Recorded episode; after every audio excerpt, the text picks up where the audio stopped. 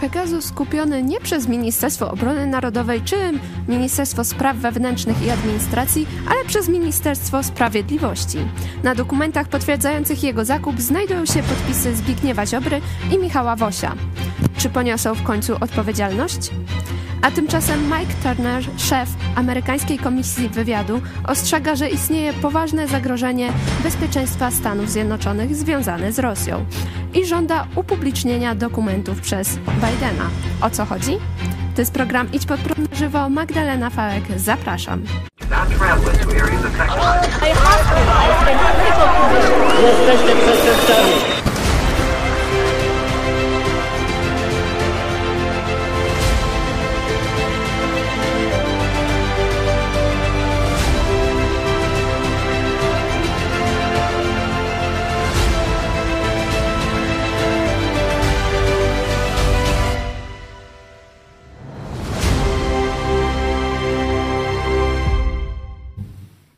Witajcie, moim gościem jest dzisiaj redaktor Michał Fałek. Witam cię serdecznie.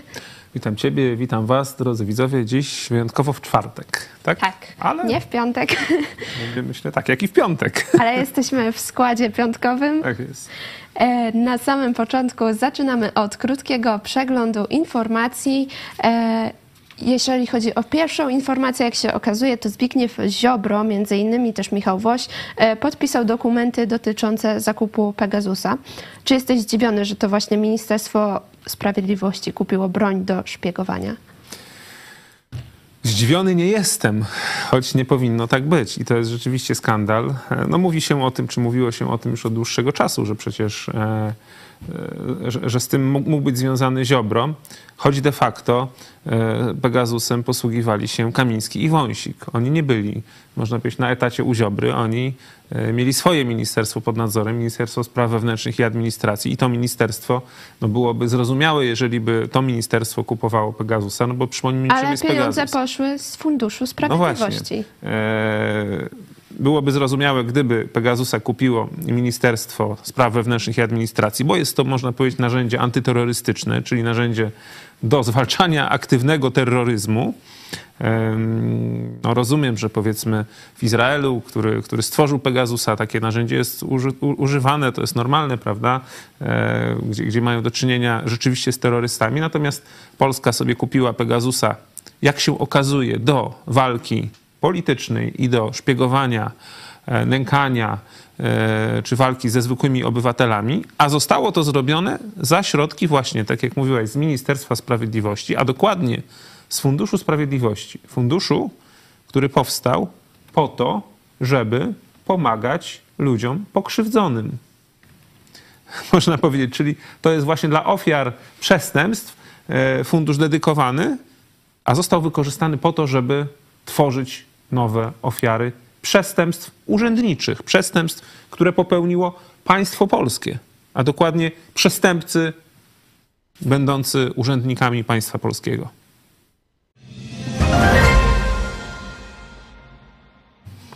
Szef amerykańskiej komisji wywiadu e, ostrzyga o niebezpieczeństwie dla Stanów Zjednoczonych. E, są przypuszczenia, że to chodzi o broń nuklearną. O co w tym chodzi? Tak, to było takie dosyć e, dziwne wydarzenie, kiedy szef, e, szef komisji wywiadu, pan Mike Turner, właśnie nagle tak za, zaapelował do Joe Bidena, żeby upublicznił e, jak najszybciej dane, które są w posiadaniu administracji, e, ponieważ są to dane zagrażające bezpieczeństwu, bezpośrednio bezpieczeństwu Stanów Zjednoczonych, jak również bezpieczeństwu sojuszniczemu. Prawdopodobnie takie są spekulacje. No, administracja jeszcze się wstrzymuje z tym upublicznieniem, czekamy, to może być dzisiaj, może jutro, jeżeli w ogóle, ale wygląda na to, że, y, że chodzi o to, że Rosjanie umieścili coś na orbicie okołoziemskiej i być może e, umieścili e, broń, nawet mówiliśmy o broni nuklearnej, która, e, która jest w stanie zniszczyć na przykład satelity które są umieszczone przez państwa zachodnie również na orbicie okołoziemskiej, czyli w tym momencie można, wiecie, zniszczyć Starlinka. Pytanie, dlaczego Musk jest taki prorosyjski?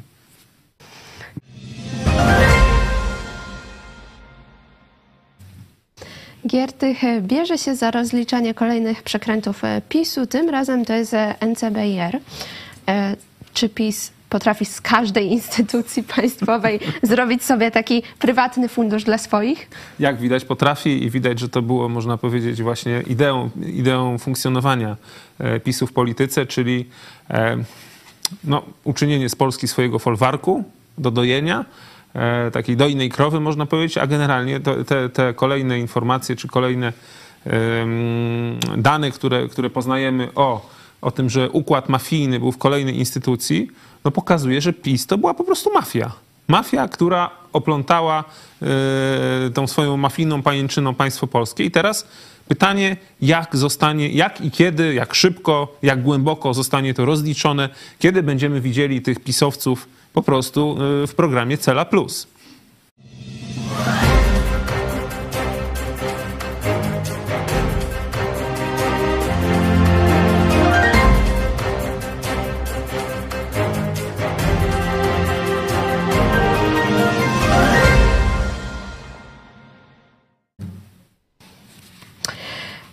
Jeśli chodzi właśnie e, o zakup e, Pegasusa, to jak już e, mówiliśmy, to właśnie podpisy są Zbigniewa Ziobry i Michała Wosia.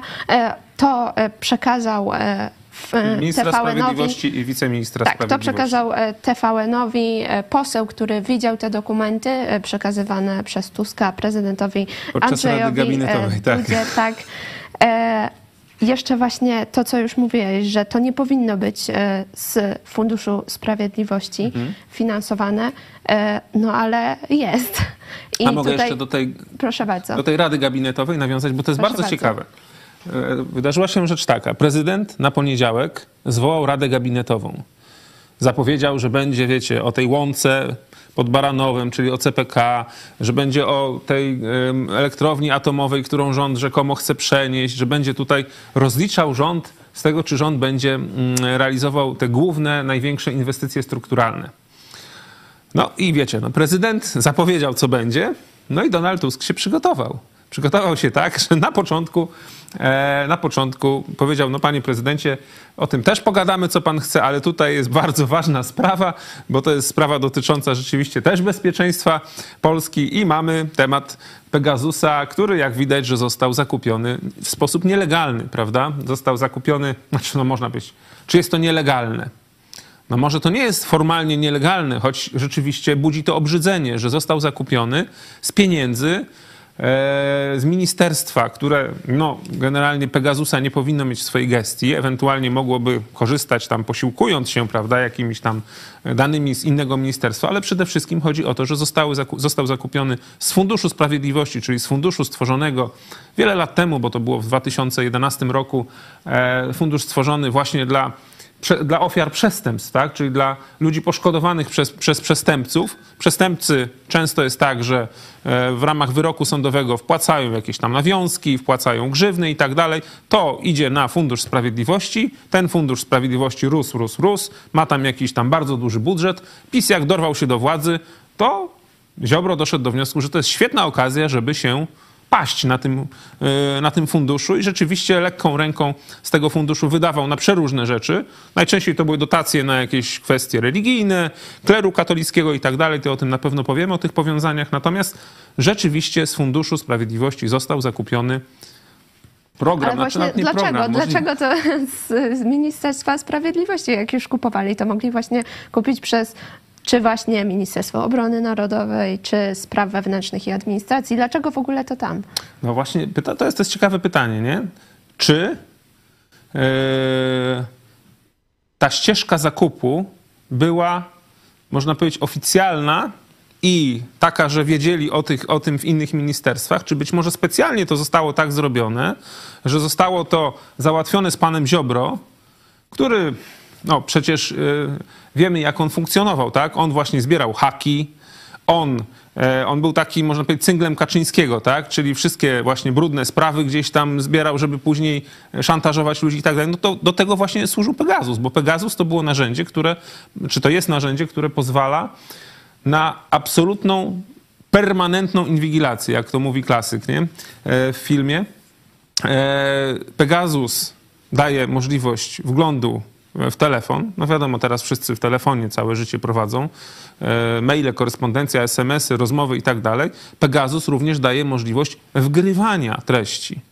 I to właśnie e, miało miejsce w przypadku, w przypadku pana Krzysztofa Brejzy w ważnym momencie, bo to było w momencie kampanii prezydenckiej w 2020 roku, a pan Krzysztof Brejza był szefem sztabu kandydata, który przegrał o włos z Dudą. I teraz, jeśli ludzie Dudy, no powiedzmy, ludzie PiSu, mieli wgląd w to, co planuje, co robi konkurencja polityczna, konkurencja do wyścigu e, o prezydenturę, to czy to nie było dla nich, wiecie, handicap i nieuczciwe? No i teraz, jeżeli planujemy takie, jeżeli my nie planujemy, ale jeżeli właśnie ci przestępcy planowali nieuczciwe e, wykorzystanie tego systemu, no to być może dlatego zrobili to nie, w, nie można powiedzieć, w świetle kamer, e, oficjalnie, tak jak to powinno być zrobione, czyli widzimy, że w Polsce jest pełno terrorystów, kupujemy Pegasus, żeby śledzić terrorystów. Tylko zostało to tak zrobione, takimi ścieżkami, żeby było to trudniej wyśledzić i żeby nikt się nie dowiedział, tym bardziej, że prawdopodobnie podsłuchiwani byli również pisowcy i to być może nawet ci już, z, naj, z, naj, z, naj, z e, najwyższej półki. wychodziło, że nawet Mateusz Morawiecki prawdopodobnie Nie ma jeszcze tej listy. Tak, ja dzisiaj, dzisiaj czytałem właśnie dokładne informacje, czy taka lista jest. No taka lista prawdopodobnie nie jest stworzona jeszcze, chociaż być może zostanie stworzona e, na, na, na polecenie premiera. Natomiast e, Pegasusem mogło być inwigilowanych nawet kilkaset osób, bo Polska wykupiła właśnie e, przynajmniej kilkaset licencji, bo to jest licencja tak jakby na, na, na podsłuch, e, czy na użycie Pegasusa dokładnie. E, no a jeszcze, jeśli jeszcze włączymy osoby, które tak jakby załapały się na inwigilację poprzez to, że były w kontakcie z tymi inwigilowanymi, czyli na przykład ktoś śledzi mój telefon dokładnie i teraz wszyscy, wszyscy moi rozmówcy de facto stają się też, no, też są ofiarami tej inwigilacji. To tych, to tych ofiar inwigilacji może być dużo, dużo więcej. Grube kilkaset lub nawet być może około tysiąca osób. I mówimy tutaj o nie tylko przeciwnikach politycznych, ale wygląda na to, że panowie Wąsik i Kamiński, teraz pytanie, czy tylko dla siebie, czy może dla Ziobry, zbierali haki na wszystkich. Mówi się właśnie o Morawieckim, o Susłowie, być może nawet o Jarosławie, być może o Andrzeju, Dudzie oczywiście, a może nawet siebie nawzajem podsłuchiwali. Kto wie? To, to, są ludzie, to są ludzie naprawdę niemoralni, choć ubierają się, wiecie, w piórka takich y, świętojańskich i tak dalej, y, kolana wytarte do krwi oczywiście, y, natomiast no to jest właśnie obrzydliwość tego systemu, tak, że że zobaczcie, że to są ludzie, którzy mówią o wartościach, a robią naprawdę podłe rzeczy, czy zrobili podłe rzeczy. Powinni za to ponieść odpowiedzialność. No i teraz pytanie jest takie, no pytanie właśnie, ja takie, które zadaliśmy. Od razu e, tutaj e, zachęcę Was do udziału w sądzie. Mamy sądę na czacie i w mediach e, społecznościowych. Czy uda się złapać Ziobrę? Odpowiedzi macie nie, już uciekł. Druga odpowiedź tak, albo jeszcze jakoś inaczej. Jeżeli wybieracie opcję inaczej, to zachęcam Was do napisania na czacie w komentarzu, dlaczego tak uważacie, że inaczej i jaka to jest opcja. Ale właśnie pytanie, dlaczego Ziobro, dlaczego Ziobro jeszcze nie został został aresztowany i czy rzeczywiście odpowie, czy... Jeżeli nazwisko Ziobry jest na tym dokumencie, a jest. Zakładamy, że tutaj nie kłamią nas, nie kłamie, nie kłamie nas senator Bosacki i rzeczywiście jest na, na dokumencie tej tajnym, można powiedzieć, e, że to Ziobro swoim podpisem zakupił Pegasusa ze środków funduszu, który absolutnie nie był do tego przeznaczony. To Ziobro popełnił przestępstwo. Również tam jest podpis Michała Wosia, wiceministra spraw sprawiedliwości w tamtym rządzie. Czyli to są już ludzie, którzy w tym momencie w sposób ewidentny czy oczywisty popełnili przestępstwo, bo kilkadziesiąt milionów złotych e, pieniędzy wydatkowali e, z Funduszu Sprawiedliwości na narzędzie antyterrorystyczne, które nie ma nic wspólnego, e, można powiedzieć, z zadośćuczynieniem ofiarom przestępstw. No wiecie, to jest kpina, no nie? Że jeżeli z pieniędzy, które są przeznaczone na zadośćuczynienie ofiarom przestępstw, kupujemy narzędzie, którym inwigilujemy przeciwników politycznych, szpiegujemy, wgrywamy treści, które jeszcze później zostały udostępniane prorządowym dziennikarzom. Przecież takich, takich rzeczy było bardzo dużo, tak? Że teraz są wyroki, można powiedzieć, pan Brejza już, już kolejne wyroki wygrywa w sądach, e, które pokazują, że to były przestępstwa. To, co robiono z Pegasusem. Od poniedziałku rusza komisja śledcza sejmowa na temat Pegasusa i tutaj będzie się dużo, e, dużo działo, ale pytanie nasze jest takie, czy jeśli już mamy na papierze Ziobro podpisał, Woś podpisał, to czy oni na przesłuchania e, w komisji śledczej nie powinni być już doprowadzani z aresztu? No takie pytanie powstaje. Czy państwo polskie nie powinno tutaj wykazać się zapobiegliwością, e, zapobiegać mataczeniu e, i pokazać, że jest sprawne i że nie popuści, nie będzie pobłażać przestępcom? I być może ci, którzy to zorganizowali, i już są na to dowody. Nie trzeba tutaj jakichś, wiecie, przesłuchań, wniosków i tak dalej. Tylko jest już, na, mamy, mamy podpis, tak? Mamy podpis Ziobry, mamy podpis Wosia. To może ci panowie już powinni być szybko aresztowani, być w areszcie i z aresztu być doprowadzani na przesłuchania przed komisją śledczą. E, myślę, że możemy e, jeszcze teraz e, puścić krótki fragment, w którym właśnie Marcin Bosacki, poseł Koalicji Obywatelskiej, mówi o Pegasusie. Pegasusa między innymi po to kupiono, żeby zbierać haki na osoby wysoko postawione we własnym obozie. Jest to lista szeroka. Obawy wewnątrz obozu PiSu są takie, że są to również bardzo poważne osoby przywódcze z tego kręgu pisowskiego. To e, było e, materiał z programu Tweet e, WP. Tutaj właśnie to, o czym mówiłeś wcześniej, że właśnie nawet pisowcy prawdopodobnie byli podsłuchiwani i tutaj właśnie poseł mówi o tym, że oni też się boją. Boją. No i sprawa Pegasusa może być też takim, takim granatem wrzuconym w szambo Kaczyńskiego, który po prostu to szambo rozwali od środka, że tam już jest, wiecie, taka wzajemna, mówi się, że jest wzajemna nienawiść, wzajemna nieufność, że oni tylko tak e, dla publiczności jeszcze popierają prezesa i trzymają jedną linię, no ale już przecież poseł Ardanowski już mówi, co myśli o pisowcach, prawda? To zobaczcie, e, dla, dla, naszych reporterów Czarka i Gosi Kłosowiczów e, udzielił wywiadu w Sejmie, który wywiad jest teraz, no, można powiedzieć, na ustach e, wszystkich, czy można powiedzieć, na afiszach wszystkich stacji i, i wszystkich portali internetowych. I tam właśnie już poseł Ardanowski się nie szczypie. Już mówi wprost o właśnie tej degrengoladzie, degeneracji PiSu. Myślę, że zaczną znajdować się kolejni odważni, bo zobaczą, że Jarosław już nie ma nad nimi władzy. Owszem, może jeszcze mieć haki, między innymi haki zgromadzone Pegasusem. No ale jak ktoś, można powiedzieć, jak było co zebrać, no to być może teraz trzeba będzie ponieść konsekwencje tych różnych przestępstw, tych różnych, e, wiecie, być może skandali obyczajowych i tak dalej. No, jeżeli żeście się panowie i, pa, i panie posłanki PiSu źle prowadzili, popełnialiście jakieś delikty e, albo żeście no, czyny jakieś, można powiedzieć, obyczajowo skandaliczne e, popełniali i zostało to nagrane, być może trzeba będzie po prostu ponieść teraz konsekwencje. Choć szkoda, że to jest w taki sposób, prawda, a nie, a nie że rzeczywiście e, nie jesteście ludźmi, którzy byli wierni tym e, wartościom, które głosiliście. No bo jaki był PiS, to wszyscy wiemy. Partia złodziei, partia ludzi, którzy tylko poszli do władzy po to, żeby jak najwięcej nakraść w każdej różnej, w każdej instytucji, którą opanowali. To o tym jeszcze będziemy mówili. Ale jeszcze właśnie e, wracając do tej odpowiedzialności Ziobry, skoro tyle osób e, mają haki na tyle osób, to czy nie jest tak, że właśnie mają też haki i na osoby z opozycji, czy też na prokuratorów, sędziów i czy rzeczywiście teraz e, to, to będzie ta zmiana i czy ponoszą... To jest właśnie bardzo ciekawe. I myślę, tak, myślę, że to będzie, e, jak tutaj sparafrazujemy panią Elizę Michalik, tak, która, która kiedyś mówiła o papierku lakmusowym. Nawet mamy dla was przygotowany ten papierek lakmusowy, bardzo poproszę.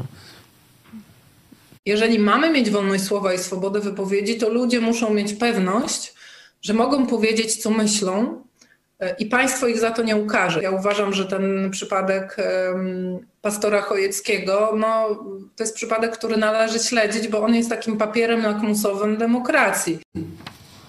No właśnie, skazanie Pawła Chojeckiego według, według słów redaktor Michalik, było papierkiem lakmusowym demokracji w Polsce. No, okazało się, że Polska nie zdała tego testu demokracji i wolności słowa.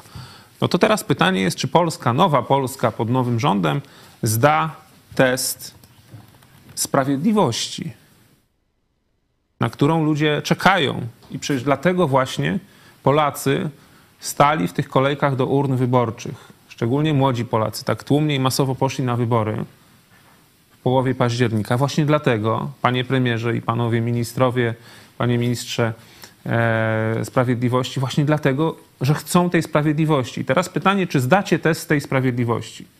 A papierkiem lakmusowym będzie to, czy pan Ziobro, niezależnie od jego stanu zdrowia, no bo tutaj są informacje, że jego stan zdrowia jest krytyczny, że walczy o życie. Są też mm, podejrzenia czy spekulacje, że być może nie jest tak źle i już jest gdzieś tam w Argentynie, w Watykanie czy gdzie indziej. Tego nie wiemy, to są spekulacje, możemy je zostawić. Ale papierkiem lakmusowym Polski i polskiej, można powiedzieć, praworządności, sprawiedliwości i prawa, czyli właśnie prawa i sprawiedliwości będzie to, czy Ziobro, którego podpis jest na dokumencie zakupu Pegasusa, czy pan Woś, którego podpis również tam jest, będą siedzieć. Czy będą siedzieć Kamiński i Wąsik, którzy tego Pegasusa używali w sposób nielegalny, wymuszając czy wyłudzając, można powiedzieć, od sądów zgody na, na kontrolę operacyjną, e, no nie podając, można powiedzieć, całej prawdy i tak dalej, to właśnie, to właśnie jest im zarzucane. Zresztą za to samo mieli wyrok, e, mieli ten wyrok, z którego ich pan Duda ułaskawił. Ciekawe, czy zresztą Duda by ich tak chętnie ułaskawił, kiedy wcześniej by wiedział, że go podsłuchiwali Pegasusem. Bo tutaj właśnie ich tam obściskuje, misia, misia robi i tak dalej, a jakby wiedział, że oni go podsłuchiwali, jak rozmawiał z żoną bądź nie rozmawiał z żoną, E, jak na przykład, nie wiem, on tam pisał na tym w telefonie, bo on to pisał, tam rozmawiał z jakimiś tam leśnymi tymi. Były, były takie. Były takie, nie? Tam miał różne wyskoki pan prezydent w czasie, w czasie swojej pierwszej kadencji już chyba nawet. No, jeśli oni to wszystko wiedzieli, a on by wiedział, że to wszystko wiedzieli i mają na niego haki, to czy by ich łaskawił? A może właśnie dlatego ich łaskawił? Że wiedział, że te haki na niego mają. I trzeba ich było tak szybciutko ułaskawić, żeby się nie zdenerwowali i gdzieś tam te haki nie wypłynęły. No to już takie, wiecie, kolejne piętro budujemy, ale to są wszystko domysły, my nic nie wiemy, panie prezydencie, spokojnie, my tych haków nie mamy, proszę się nie bać. Ale jeśli te haki gdzieś są, mogą wypłynąć. Grzegorz Wojciechowski na czacie właśnie pisze, Duda ich wszystkich ułaskawi przed końcem kadencji i będzie po sprawie. Tutaj do... Yy, mogłoby być po sprawie, natomiast... Yy to jest też, można powiedzieć, dla nowej prokuratury, no bo śledztwo należy prowadzić rzetelnie. Nie można się za bardzo śpieszyć. Owszem, też nie można przedłużać. Nie można robić jak na przykład prokuratura w sprawie NCBR-u, która przez cztery czy przez kilka miesięcy w ogóle się nie zajęła śledztwem, ale śledztwo można prowadzić tak, żeby wiedzieć mniej więcej, kiedy trafi sprawa do sądu. No sąd ileś tam czasu też potrzebuje, na, y, na, na instancję. No i wtedy y, może być tak, że czas na ułaskawienie przyjdzie wtedy, kiedy już będzie nowy lokator y, w Pałacu Prezydenckim. No chyba, że Duda ich tak hurtem, abolicję im zrobi od wszystkich przyszłych postępowań. Czyli tak jakby weźmie, no ja ułaskawiam Wąsika Kamińskiego od wszystkiego, co im można w przyszłości, przyszłości tam przypisać jakichkolwiek przestępstw. No ale tego chyba zrobić nie może i nie zrobi, bo to już rzeczywiście sam by za, zasłużył później na więzienie, na Trybunał Stanu. Sławomir pisze, sprawa Pegasusa to początek końca PiSu, gwóźdź do ich trumny. Dokładnie tak. I to widać już w tych pierwszych sondażach, które się pojawiają, że PiS, PiS spada. Ostatnio był sondaż, który pokazywał, że jeżeli e, no, byłoby głosowanie na dzień sondażu w zeszłym tygodniu, e, to koalicja miałaby już większość konstytucyjną, miałaby powyżej 280 mandatów, czyli pan prezydent Duda mógłby już cały czas jeździć na nartach, bo i tak każdy jego podpis, każde jego weto byłoby odrzucane. Po prostu nie musiałby już w ogóle, no wiedziałby, że już nie ma, no to mógłby sobie pojechać tam na narty do, do Juraty Wodne czy do Wisły na takie zwykłe, nie wiem. Jeszcze mamy e, komentarz od Dorado, czyli jakby wcześniej ten piątek dzisiaj. tak, tak, tak, dzisiaj właśnie.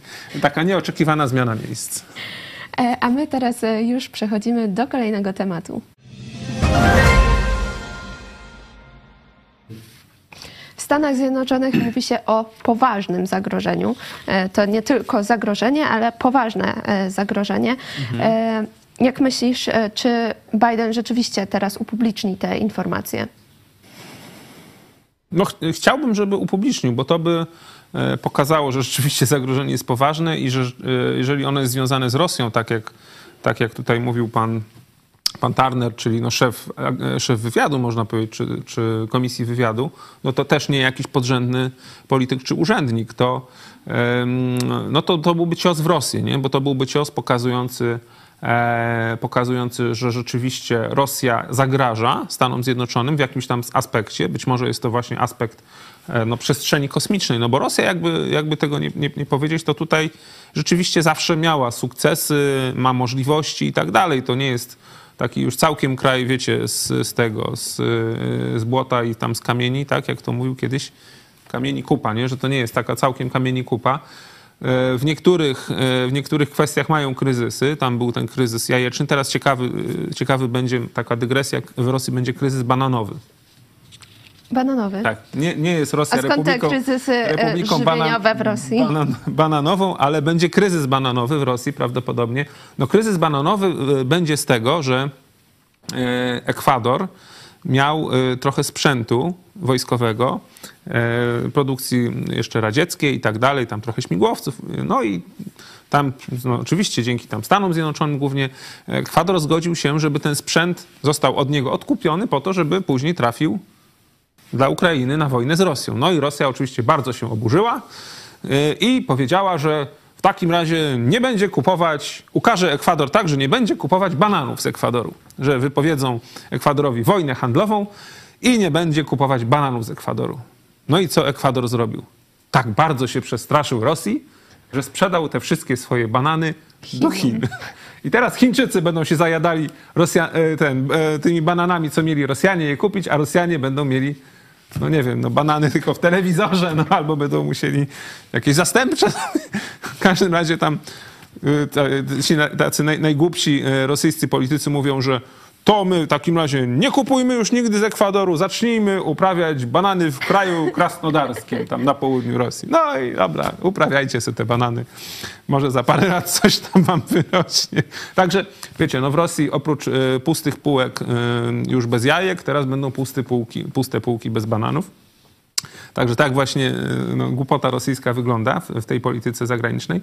Ale wracając właśnie e, do, do, tutaj, tak, e, do e, Dobrze. Stanów Zjednoczonych, czy uważasz, że to jest poważne zagrożenie rzeczywiście, tak jak mówi tutaj szef wywiadu mhm. amerykańskiego, czy to tylko jest takie straszenie i tylko raczej słowa? Znaczy tak, jeżeli robią z tego jakiś taki medialny, medialny szum, to coś musi być na rzeczy to rzeczywiście zagrożenie może być zagrożeniem, które, które y, no, mogłoby Amerykanom zakłócić funkcjonowanie. Wiecie, zniszczenie satelitów, no to praktycznie, e, wiecie, cały system GPS-u i tak dalej, no życie kraju no, przez satelity komunikacyjne i tak dalej, można kraj tak jakby cofnąć czy wyłączyć e, na, na, o, o kilkadziesiąt lat, można powiedzieć. No i to, na to sobie Ameryka oczywiście nie może pozwolić, także to może być poważne zagrożenie jeśli tutaj Rosjanie no, zrobili coś, jakiś krok wyprzedzający.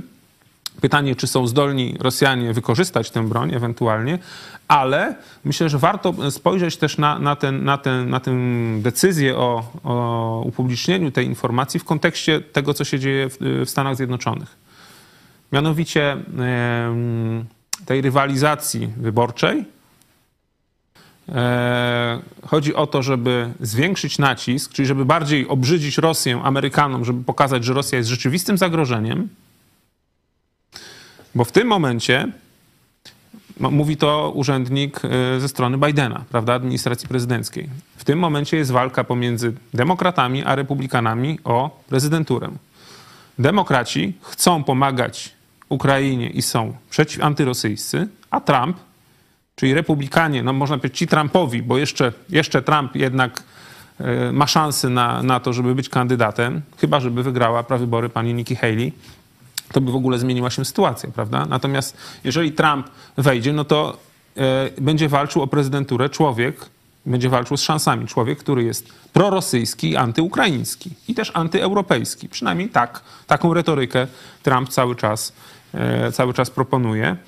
No i w tym momencie, jakby to powiedzieć, pokazanie Amerykanom, że Rosja jest realnym zagrożeniem, to jest uderzenie w Trumpa. Też. Uderzenie też w Mike'a Johnsona, czyli tego speakera e, kongresu, który, e, który tego e, prawa, tego no, uchwalonego już przez Senat prawa pomocowego dla Ukrainy, Izraela i Tajwanu z 90 miliardami dolarów, powiedział, że nie będzie dawał do procedowania jednak, no bo nie ma tam załatwionego no, tej kwestii granicy. A przecież miało być. Ale to, że nie ma kwestii granicy, to jest akurat wina, wiecie, republikanów. Czyli można powiedzieć, mówią, że nie zrobimy tego, bo musi być kwestia granicy. Jak demokraci powiedzieli, dobra, wprowadzamy kwestię granicy, to oni mówią, nie, nie, nie, nie, nie, nie, nie. W ogóle nie będziemy o tym rozmawiać.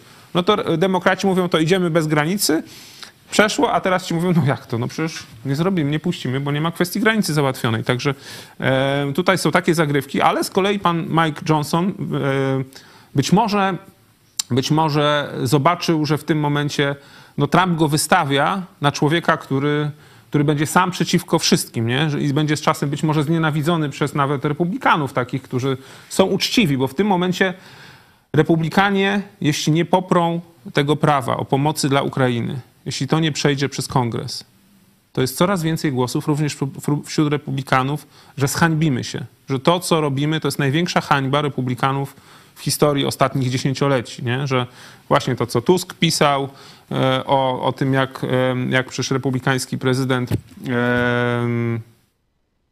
Ronald Reagan pomagał, można powiedzieć, w walce ze Związkiem Radzieckim wtedy w czasie zimnej wojny, ale nie tylko, tak?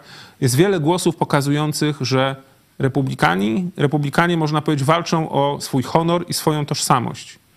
No i może to wydarzenie im pomoże oprzytomnieć. Zobaczyć, że nie możemy być po stronie Rosji, która jest dla nas i dla naszego bezpieczeństwa, naszego w sensie Stanów Zjednoczonych, realnym zagrożeniem. To jest również zagrożenie dla państw sojuszniczych, dla NATO i e, podobno już sojusznicy, czyli pewnie i Polska, się dowiedzieli o.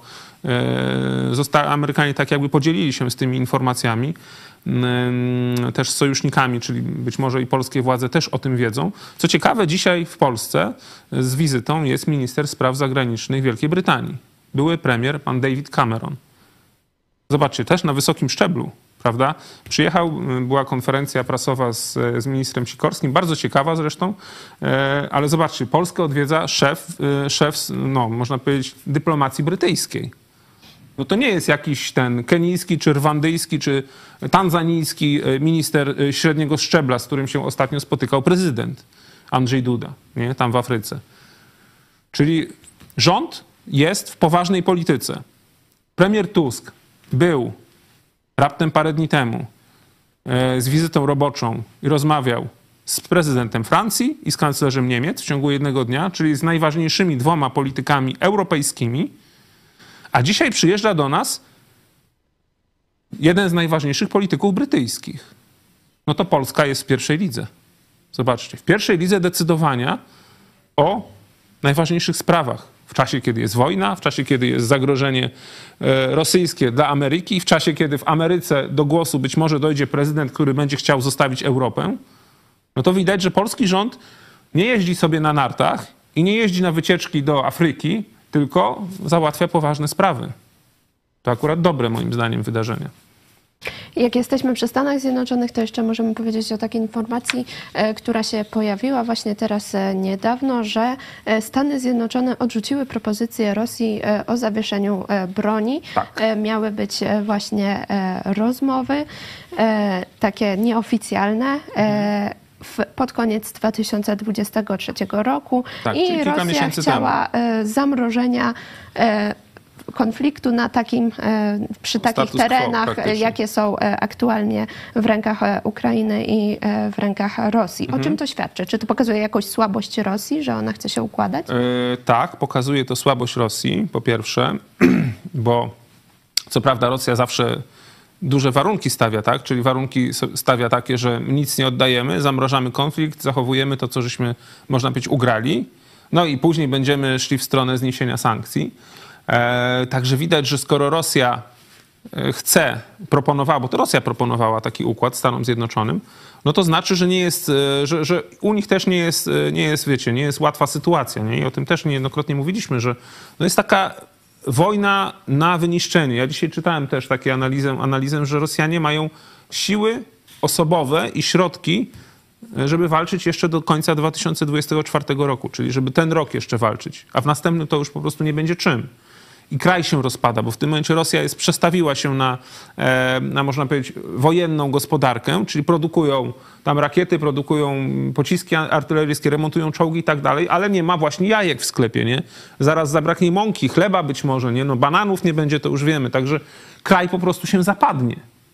Co z tego, że będą mieli, e, wiecie, być może więcej czołgów, jakich ludzie po prostu rozerwą od środka, no bo w końcu się ten naród też wkurzy, jak no, no co będzie, korzonki jadł i wodą popijał, tak się też nie da żyć w XXI wieku, nie? Ale czy Ukraińcy też mają te środki, żeby do końca 2024 roku No i tu jest właśnie, tu jest właśnie to, o co idzie walka w Stanach Zjednoczonych. Rosja wszystkie środki rzuca, można powiedzieć, wiecie, całą agenturę, y, strefy wpływów, przeróżnych dziennikarzy na świecie, no tego Takera Carlsona sobie ściągnęli. Wszystkie środki możliwe rzucają po to, żeby Amerykanie nie tego prawa o pomocy Ukrainie nie, nie przeszli, nie, nie, nie przeszli do, przez procedowanie, tak? Czyli żeby Amerykanie e, nie dali pomocy wojskowej, bo jeśli Amerykanie dadzą pomoc wojskową i Europa da pomoc, którą już uchwaliła, prawda, wstępnie, to w tym momencie y, Rosja nie wygra.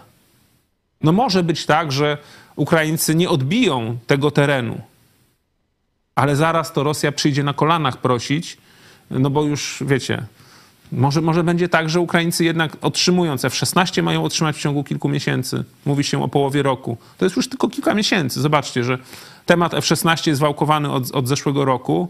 No tak się wszyscy zastanawiali, czy to będzie jesień, czy może e, zima. No jak nie zima, to wiosna. Ale już mówi się, że lato to już na pewno. Że już e, kilku pilotów ukraińskich zakończyło szkolenie, że szkolą się również e, mechanicy, cały system logistyczny i tak dalej. No i jak wejdzie F-16 w jakiejś tam liczbie, Holendrzy sami chcą dać 24 sztuki, nie? To jest tak jakby rewanż Holendrów za zestrzelenie mm, tego samolotu holenderskiego kiedyś właśnie przez, przez terrorystów e, rosyjskich, gdzie zginęło kilkaset osób, głównie właśnie obywateli Holandii. To teraz Holendrzy właśnie odpowiedzą po paru latach, e, dając właśnie F-16. E, także Ukraina jeśli wytrzyma jeszcze trochę, choć nie jest, nie jest łatwo, no bo tam koło Awdijiwki mówi się, że już być może są okrążeni, że grozi im kolejne Debalcewo, y, czyli można być takie okrążenie, które było w 2014-2015 roku, e, że być może nie ma sensu już bronić tej Awdijiwki tak, jak bronili Bachmutu, ale jeszcze bronią, ale z kolei na, e, tam koło Hersonia, na lewym brzegu, tam Ukraina powiększa ostatnio ten przyczółek. Także jest tak, że w jednych miejscach, gdzieś tam na froncie wschodnim Donbasu idzie im ciężko i tracą powoli teren, Rosjanie gdzieś tam postępują, ale z kolei tutaj w stronę Krymu na południu Ukraińcy powolutku, powolutku przejmują inicjatywę. Także Ukraina mając y, te zasoby już ograniczone od wielu miesięcy, trzyma się dzielnie. Jeżeli teraz by dostała zastrzyk pomocy militarnej, to też wiecie, i w narodzie będzie większe morale i chętniej pójdą kolejni być może do wojska, tak, na wojnę, jak, jak będą widzieli, że Zachód ich wspiera, a nie zostawia. Także to jest kluczowy moment tej wojny w tym momencie się decyduje i on się decyduje w Stanach Zjednoczonych. E, jeśli szala przechyli się w dobrą stronę, w stronę dobra, Amerykanie uchwalą tę pomoc i ta pomoc e, będzie szła do Ukrainy, no to ja jestem wtedy dobrej myśli. To Rosja tego nie wytrwa i nie przetrwa. Sławomir e, komentuje to. To jest walka dwóch bokserów, którzy już ledwo się trzymają na nogach w dwunastej rundzie. Tak można powiedzieć. Dokładnie coś takiego. A jeszcze Matias Miniszewo pyta właśnie na czacie, to po co Amerykanie popierają Trumpa, jak on ma tyle mądrości, co w Polsce Kaczyński, nasz sojusznik Putina? No tam jest problem taki, e, trochę taki jak był w Polsce, nie? że rząd jeśli chodzi o kwestię Ukrainy, rząd PiSu, przynajmniej na początku wojny, robił dobrą robotę. I my żeśmy rząd chwalili. Ale jednocześnie to, co robił, e, można powiedzieć, na scenie wewnętrznej, było skandaliczne i w końcu doszliśmy do wniosku, że nie, że po prostu trzeba być przeciwko, przeciwko PiSowi. No i tam jest trochę podobny temat, że Biden, jeśli chodzi o sprawy wewnętrzne Ameryki, no to tutaj y, demokraci, no fatalnie, fatalnie to wygląda, nie? Choć wojna im trochę pomaga, bo dzięki wojnie to Ameryka i zaczęła więcej sprzedawać ropy i przecież produkcja ta, 75% e, pomocy, którą Stany Zjednoczone przeznaczają dla Ukrainy zostaje w Stanach Zjednoczonych. To jest bardzo ważne, że przecież oni nie dają Ukrainie, wiecie, nie wysyłają tam okrętu pełnego złota i dolarów. Nie, oni wysyłają sprzęt, który jest produkowany w Stanach Zjednoczonych. Czyli to też napędza amerykańską gospodarkę, prawda? E, także tutaj wojna im pomaga, ale generalnie Biden i demokraci e, zawalają w kwestiach e, polityki wewnętrznej. No przecież wpuszczają migrację, nie? Tam na, praktycznie na oścież są otwarte drzwi. To już Teksas się zaczął buntować i zaczął sam, można powiedzieć, walczyć z tą migracją z południa, z Meksyku. Także można powiedzieć, na arenie czy na niwie wewnętrznej demokraci e, no, no, dają ciała, o tak powiedzmy, i Amerykanie rozsądni no, mają ten dylemat. Czy powinniśmy jednak zagłosować na republikanów, którzy obiecują nam naprawienie e, kwestii wewnętrznych, ale zostawią sojuszników? No, czy głosować na tych, którzy spełniają, tak mówię w uproszczeniu troszeczkę, spełniają nasze zobowiązania sojusznicze, ale w kwestii wewnętrznej zawalają? Także ten, ten, no w, tym, w tym jest problem dla Amerykanów takich zwykłych. No i tutaj, wiecie, no, jest wielu, myślę, demokratów, którzy, e, którzy zgadzają się z polityką zagraniczną Bidena, ale mogą zagłosować przeciwko niemu. To trochę tak, jak my żeśmy zrobili, e, ze względów na, e, na, na to, jak on realizuje politykę wewnętrzną. A z kolei są też republikanie, i my takich znamy, którzy zawsze głosowali na republikanów, ale widząc, co wyprawia i wygaduje Trump, zagłosują na Bidena. Także to się będzie e, rozstrzygać, a my teraz przechodzimy, wracamy do e, tematów polskich.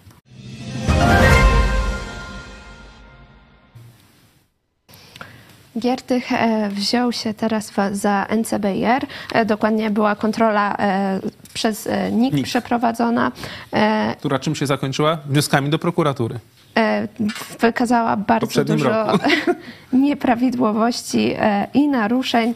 E, tutaj Możemy, mogę mm, przytoczyć niektóre właśnie nieprawidłowości i naruszenia, jakie tam wykryto. Jeżeli chodzi o proces wyborów projektów mhm. do finansowania, to były naruszono zasady przejrzystości, czyli wybierano te...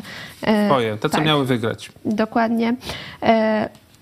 Fundusze zostały przeznaczone na cele partyjne i polityczne, które nie miały nic wspólnego z zadaniami, do których, e, do których powołano właśnie no, często e, też były... to Centrum Badań tak, i Rozwoju. No bo to, jest, to są pieniądze, które powinny, no tak jak Fundusz Sprawiedliwości był po to, żeby zadośćuczynić ofiarom przestępstw, to NCBR, czyli Narodowe Centrum Badań i Rozwoju, miał wspierać polską innowacyjność, czyli zwiększać można powiedzieć, siłę i pozycję Polski, jeśli chodzi o technologię przyszłości, o tak ogólnie powiedzmy. Nie?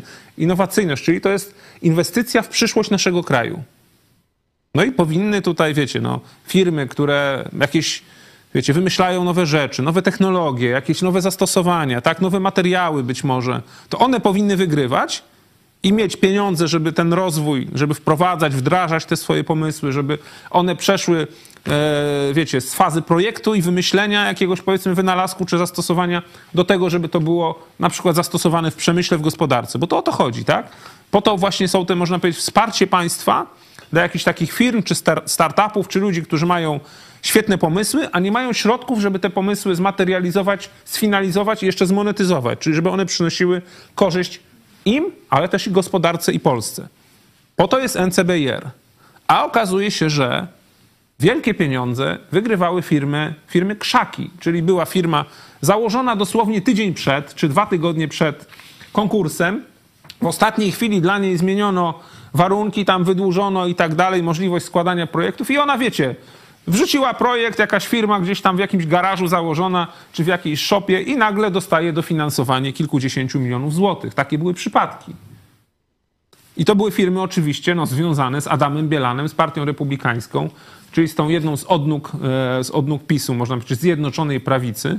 E, czyli była to kolejna, można powiedzieć, taka właśnie mm, takie koryto do tego, żeby pieniądze wyciągać. I to nie takie, wiecie, 10-20 tysięcy, tylko w dziesiątkach i w setkach milionów złotych. Były pieniądze rozkradane, rozkradane można powiedzieć, zabierane z tej przyszłości Polski na bieżące funkcjonowanie trzody pisowskiej, pisowskiej trzody chlewnej, czyli tych knurów i wieprzów, którzy przy korycie się paśli. Jeszcze e, tutaj właśnie e, kontrola wykazała, że e, dochodziło do zmian regulaminów, o których nie wszyscy byli informowani i przez to nie mogli spełnić niektórych wymogów i nie mieli równych szans z takich zabiegów, które tam stosowano. Ale teraz właśnie Roman Giertych powiedział, że nie odpuścimy niczego, każda złotówka będzie rozliczona, każda złotówka możliwa do odzyskania będzie odzyskana. To przyświeca jego pracy. Widzimy Bardzo tutaj nas właśnie cieszą jak te słowa działa. i naprawdę czekamy, panie pośle Romanie, czekamy na efekty. Nie możemy się doczekać efektów. Nie możemy się doczekać, kiedy właśnie do programu Cela Plus dołączą te yy, już nie tylko do Czarnka, tak, tak jakby zrobić sobie ten poczet knurów pisowskich, nie, no to byliśmy Czarnka, ale Bielana też tam pięknie by można pokazać. No, wszyscy się tak nadają idealnie i no, skoro kradli, no to tak powinni dołączyć do tego programu Cela Plus. Także czekamy, czekamy, panie pośle. Nie możemy się doczekać dosłownie. E, My możemy teraz e, się przyjrzeć e, wynikom sądy wstępnym jeszcze na razie, jeszcze pod koniec programu wrócimy. Bo Giertych też ma za uszami z tym NCBR-em. No przepraszam. Panie pośle, oczywiście nie o panu myślałem. Ziobro. Ziobro też ma za uszami. No bo właśnie no ta prokuratura. NIK zbadał, NIK skierował sprawy do prokuratury. Prokuratura przez cztery miesiące nie ruszyła, nie kiwnęła palcem w bucie. Dopiero teraz zmiany w prokuraturze powodują, że prokuratorzy nabrali odwagi i biorą się do roboty. E, Wstępnie e, 50% naszych e, ankietowanych stwierdza, że Ziobro już uciekł, 43% że uda się złapać Ziobrę, a 7% e, inaczej. I tutaj mamy jeden głos. Jeśli chodzi o inaczej, zaznaczyłam inaczej, nie czy, tylko kiedy i dlaczego tak późno. Już powinien być w areszcie. Maria G. pisze na czacie. No nie wiemy, jak to jest z tym jego zdrowiem. Różne informacje docierają yy, i po prostu trudno, trudno to zweryfikować. Czy on rzeczywiście leży w szpitalu w Lublinie i walczy o życie, czy leży gdzieś tam już w Argentynie na plaży i yy, popija sobie jakiś tam ten drink przez, yy, ten, przez słomkę. E, Tomasz Szander na czacie też brawo dla pana e, Giertycha. E, A my e, teraz jeszcze e, porozmawiamy, nie, nie wychodzimy kompletnie z Polski, ale jeszcze będziemy rozmawiać trochę o tematach zagranicznych.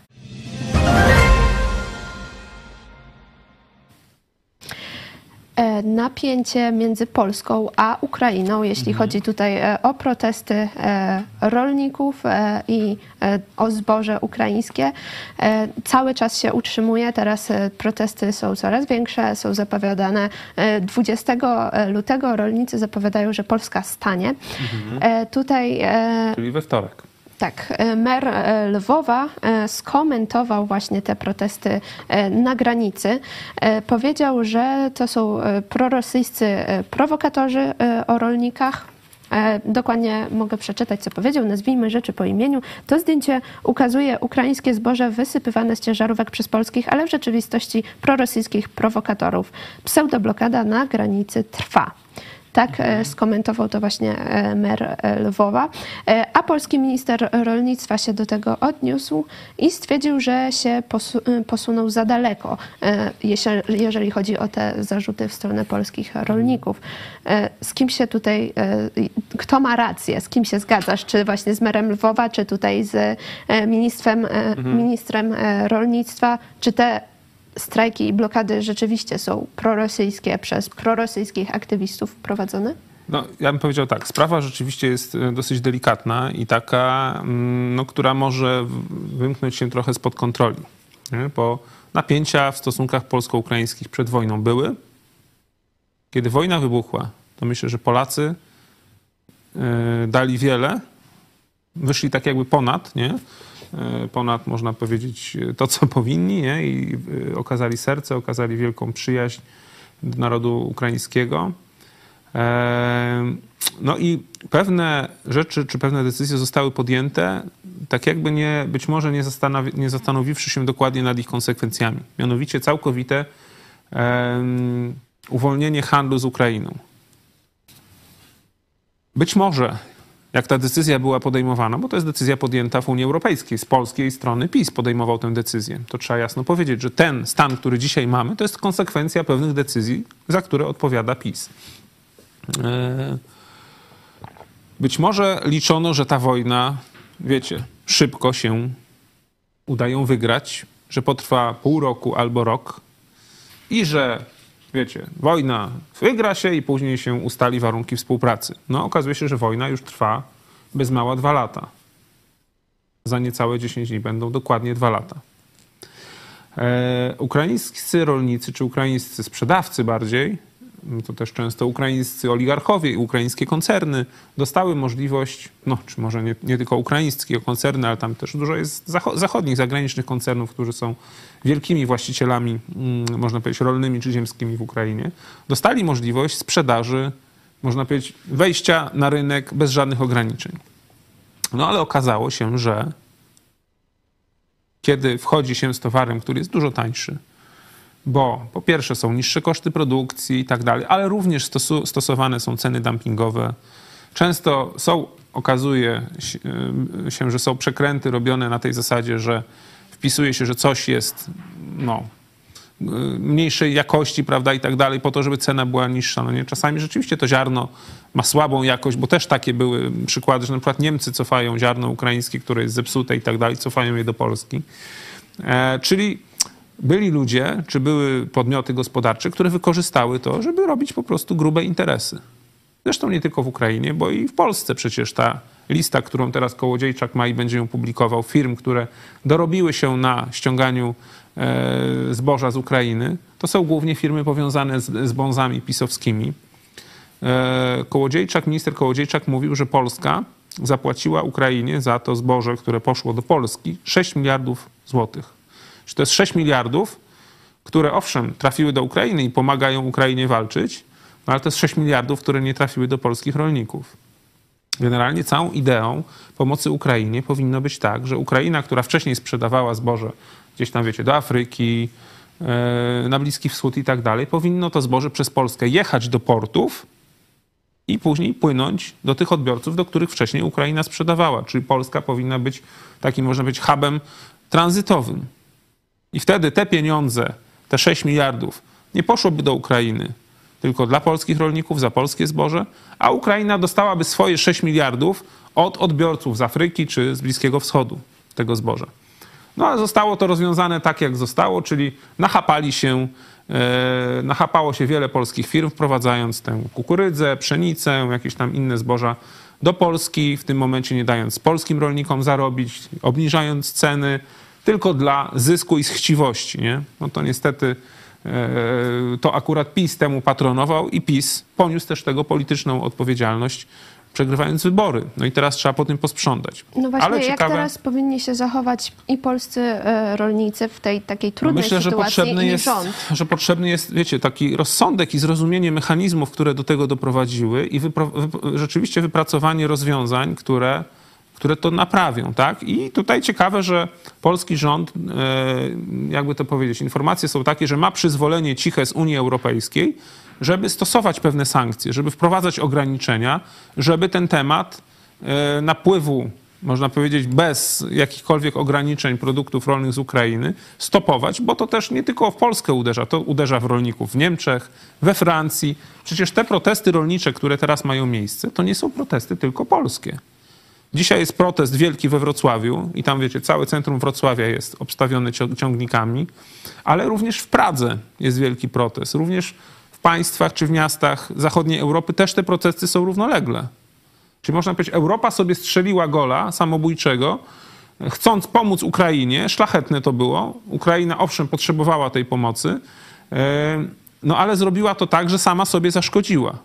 Czyli zamiast pomóc Ukrainie w tranzycie, to dała możliwość europejskim firmom robić biznes, żeby ściągać, e, korzystając z ułatwień, prawda, z wolności gospodarczej, z uwolnienia takiego gospodarczego, żeby ściągać tańsze zboże i w tym momencie zaburzać e, no, konkurencję, czy w ogóle no, uniemożliwiać konkurencję cenową własnym rolnikom.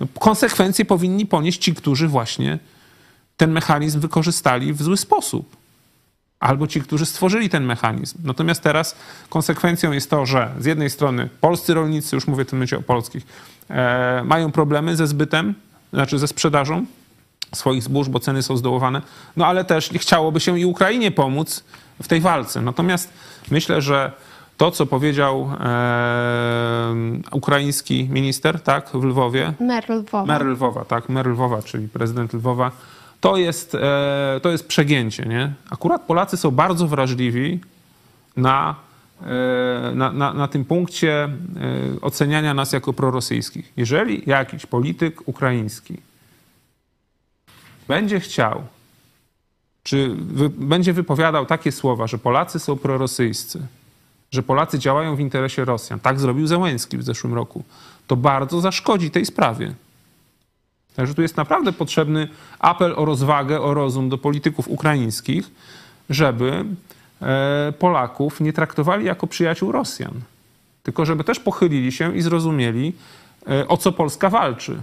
No, w Polsce też są rodziny, które się utrzymują e, z pracy na roli. One owszem, nie walczą o przeżycie w sensie takim istnienia, tak jak walczą często rodziny ukraińskie, prawda, gdzie Rosjanie zagrażają po prostu ich fizycznemu istnieniu i chcą zniszczyć Ukrainę, no ale walczą też Polacy o swój byt i nie można oczekiwać, że nagle e, wiecie, no, y, można powiedzieć, pójdą na bezrobocie, oddadzą cały majątek, czy wiecie, no, czy y, nie spłacą kredytów, zlicytują się dlatego, że ukraińskie firmy czy ukraińscy oligarchowie chcą sprzedać tanio zboże w Polsce. Czyli tutaj musi być też z ukraińskiej strony zrozumienie powagi sytuacji, i e, myślę, że bardziej pan e, mer Lwowa powinien starać się nakłonić ukraińskich e, przedsiębiorców, żeby nie sprzedawali tego zboża w Polsce, tylko żeby szukali czy wypełniali kontrakty, które mieli pod, przed wojną, czyli żeby to zboże sprzedawali gdzieś tam dalej poza Europą, a przez Polskę, żeby ono tylko przejechało tranzytem. To po pierwsze. Natomiast jeśli chodzi o stronę polską i ten, i ten przykład tego wysypania zboża, no nie, bo rzeczywiście jest taki przykład, są te zdjęcia. Tutaj z kolei, tutaj trzeba by się, wiecie, no, y, zastanowić, czy z kimś, kto to zrobił, porozmawiać i sprawdzić rzeczywiście, czy to nie jest człowiek, y, być może, być może to jest ruska agentura. Ponieważ z drugiej strony zrobienie czegoś takiego, że niszczymy zboże ukraińskie, wysypujemy je na drogę, kiedy Ukraińcy kiedy dla nich z kolei zboże jest wielką wartością, bo to jest kraj, który, dla którego zboże jest jak ich złoto. Tak jak powiedzmy nasz węgiel kiedyś, nie? No teraz może już mniej. No ale jakby tak wiecie, e, zacząć na przykład z tych, z wagonów z węglem e, wysypywać węgiel, no to chyba górnicy by się tam, wiecie, nieźle wkurzyli, nie? I też mieliby słuszne pretensje. To tak samo trzeba zrozumieć Ukraińców. To jest kraj, czy to jest naród, który doświadczył głodu w latach 30., ubiegłego wieku, który przecież Stalin chciał go zniszczyć, no, zeksterminować poprzez głód. E, to jest kraj, można powiedzieć, rolniczy głównie i dla nich zboże jest złotem, można powiedzieć. Ich, ich wiecie, główną, główną wartością i tak dalej. Jeśli my pozwolimy sobie na takie gesty, czy takie działania, że na naszych drogach będziemy ukraińskie e, zboże wysypywać i niszczyć, no to w tym momencie też uderzamy w ich czuły punkt. I też, można powiedzieć, te stosunki, które ulegały poprawie, mogą szybko zostać zniszczone. Ta poprawa, to co żeśmy zbudowali, może zostać zniszczone przez takie gesty. Po pierwsze, Polacy będą niszczyć ukraińskie zboże i Ukraińscy to zrozumieją jako właśnie atak na coś, co jest dla nich cenne, a Ukraińcy, jak będą nam mówić, że jesteśmy e, prorosyjscy i Rosjanom pomagamy, no to w tym momencie to tak jakby nam napluć w twarz. Czyli no tych, którzy tak robią, to trzeba postawić do pionu i rzeczywiście sprawdzić, czy być może oni nie służą rosyjskim interesom, zarówno po polskiej, jak i po ukraińskiej stronie. Natomiast e, widać, że rząd e, próbuje ten temat załatwić. Widać, że, no tak jak mówię, pewne, koncesje czy ułatwienia od Unii Europejskiej, żeby ten temat rozwiązać mamy. Minister Kołodziejczak jeździ tam na granicę prawie, że każdego dnia sprawdza, kontroluje, próbuje pokazać nieuczciwości tych, którzy nieuczciwie funkcjonują, będzie piętnował, być może będą jakieś sankcje i tak dalej. Czyli to nie jest tak, że polski rząd nic nie robi, w przeciwieństwie do poprzedniego rządu, który nie tylko nic nie robił, to jeszcze ułatwiał ten proceder psujący gospodarkę, a w ogóle zgodził się na takie rozwiązania, które okazuje się, że były niewłaściwie zaprojektowane, niewłaściwie zabezpieczone. No i teraz mamy taki, no, taki pasztet, jak mamy. E, jeszcze e, tutaj e, może teraz wyniki sądy. Pokażmy ostateczne już na dzisiaj. 51% teraz się podwyższyło, stwierdza, że Ziobro już uciekł, 42% stwierdza, że uda się go złapać, a 7% stwierdza, że inaczej. A jeszcze z programów, e, które będą e, dzisiaj, to zapraszamy Was e, o 15 wieczorek przy mikrofonie wywiad z członkami zespołu Neokles. Także. Ciekawe, co to jest Neokles. To myślę, że o 15 trzeba będzie zobaczyć. A o 18 kto zdobędzie polskiego Oscara? I tutaj nominowane do Orłów są m.in. seriale 1670 oraz informacja zwrotna w reżyserii Leszka Dawida, z którym rozmawiamy o kulisach powstania produkcji. E, w kontrkulturze dyskutujemy także o szansach Kosa i chłopów na statuetkę dla najlepszego polskiego filmu. Także zapraszamy na 18 i czekamy na Wasze e, komentarze. Będzie kontrkultura. E, a ja jeszcze przypominam o naszej aplikacji hashtag czytam Biblię, którą możecie za darmo pobrać w sklepie Play czy w Apple Store. I także przypominam, że możecie przekazać 1,5% swojego podatku na fundację Twój Ruch. E, a jeśli chodzi e, o finansowanie naszej e, telewizji, to już na dzisiaj 450 osób nas wsparło. Dziękujemy bardzo. I oczywiście przypominamy, że możecie nas wesprzeć. Wszelkie informacje znajdziecie na stronie itspodprat.pl wsparcie. Tak, ten miesiąc jest krótszy niż standardowy. W końcu to luty, także prosimy Was o mobilizację. No i próbujemy osiągnąć ten cel, który kiedyś tam był regułą, a teraz coraz rzadziej, ale zdarza się gdzieś tam już być bardzo, bardzo blisko, czyli tysiąca gitar. Także e, do tego Was e, zachęcamy. A ja dziękuję Tobie bardzo za e, dzisiejszy komentarz, za udział w programie. Był ze mną redaktor Michał Fałek. Dziękuję Tobie i dziękuję Wam. Bardzo było mi miło. Do zobaczenia. Do zobaczenia.